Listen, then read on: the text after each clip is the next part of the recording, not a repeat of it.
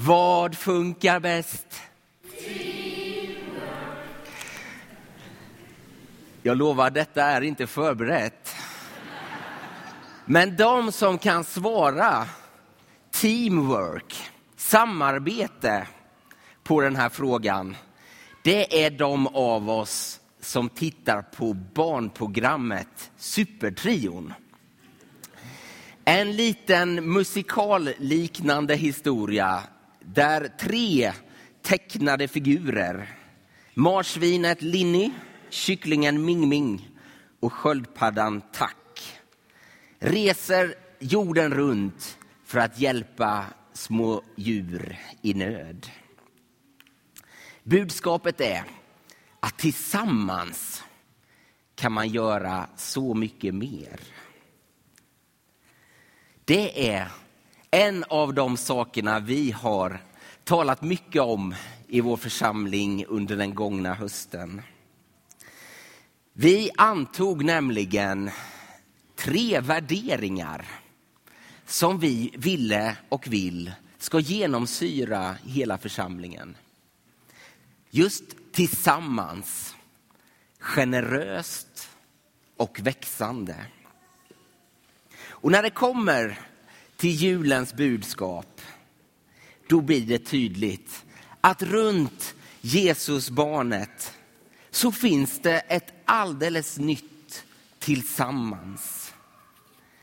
Ett nytt tillsammans mellan Gud och mänskligheten. Där Gud visar att han inte nöjer sig med att vara en slags opersonlig, om än helig kraft. Utan föds rakt in i denna värld. I Betlehem, en illa ansedd avkrok i judaland. På ett jordgolv. Och jag tänker att om det är den första platsen som Gud låter sig födas till, då finns det inte längre någon plats eller något hjärta som inte är värdigt Guds besök eller att låta Gud födas i.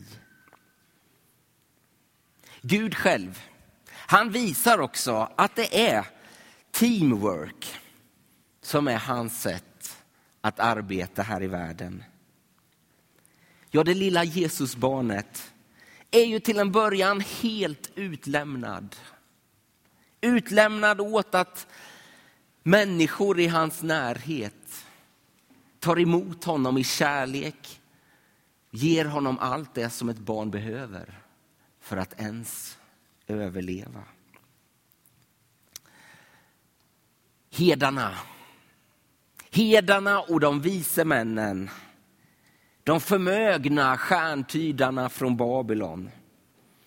De blir ett första tecken på att när man samlas runt Jesus, när man vördar och tillber honom, då är det aldrig nationsgränser eller social status som är det viktiga. När de enkla fattiga hedarna och stjärntydarna, de ser på Jesus med samma förundran.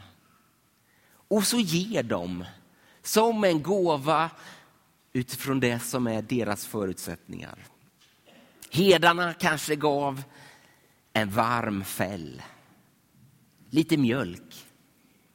Stjärntydarna de ger genom sitt guld, rökelse och myrra ett slags livsförsäkring som Jesus hade att bära med sig, ja kanske genom hela livet. Jag tycker att, att den här hösten, då har det blivit väldigt tydligt att man kan se på en och samma sak utifrån ganska olika infallsvinklar med ganska olika utgångspunkt. Ja, såväl stjärntydarna som genom sin forskning sökt sig till ett annat land och berikar det landet genom sin unika kompetens, det de har kommit fram till. Såväl de som Jesusfamiljen, som tvingas på flykt för sina liv, skulle kunna ses som besvärande kostnadsposter i samhället. Människor som dessutom behöver bostäder när det redan är fullt i härbergena. Så kan man se dem. Men man kan också se dem som medmänniskor som har mycket att tillföra till vårt samhälle eller som är i yttersta behov av en fristad. Ja, kung Herodes. Han ville inte ha någon konkurrens om sin position och tog till drastiska metoder när han hör att det har fötts en ny kung. Alla gossebarn skulle dödas. Och det var ju detta som gjorde att också Jesus blir en flykting de första åren av hans liv. Tillsammans med Josef och Maria. Och när han då senare i livet säger Jag var hungrig och ni gav mig att äta. Jag var törstig och ni gav mig att dricka. Jag var hemlös och ni tog hand om mig. Då var inte det bara ett teoretiskt eller hypotetiskt resonemang utan en högst verklig upplevelse i Jesu egen familj. Vad funkar bäst? Lika obegripligt som det var för de flesta av er att svara på den här frågan fram till för en liten, liten stund sedan.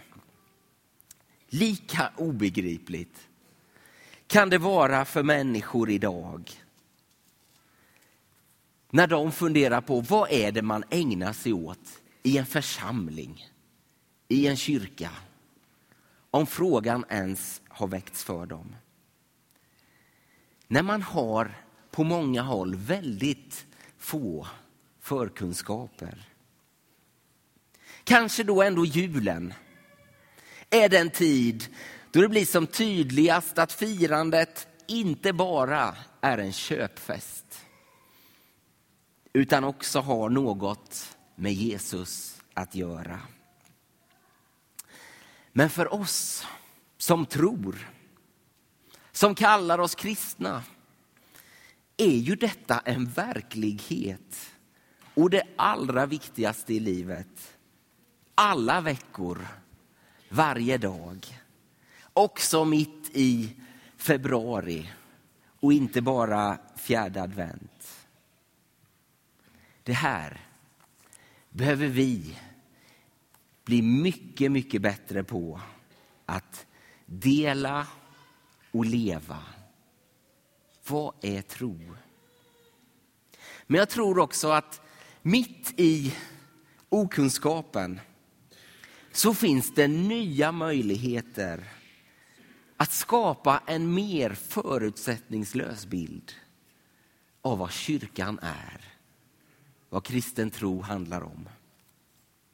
Och när vi står i tider av politisk osäkerhet, mycket annan osäkerhet i vårt samhälle, då önskar jag att kyrkans tidlösa budskap och församlingen som en aktör i den här staden skulle vara en del av en kraftsamling där alla goda krafter samverkar. Samverkar för ett bättre Linköping. Och det är vi försöker öva oss i, i Linköpings missionsförsamling, det skulle kunna få vara värderingar som präglar hela den här staden. Tillsammans, generöst, växande. Ska vi göra ett nytt försök? Vad funkar bäst? Vad funkar bäst? Härligt. Låt oss tillsammans arbeta för ett bättre Linköping. God jul, gott nytt år.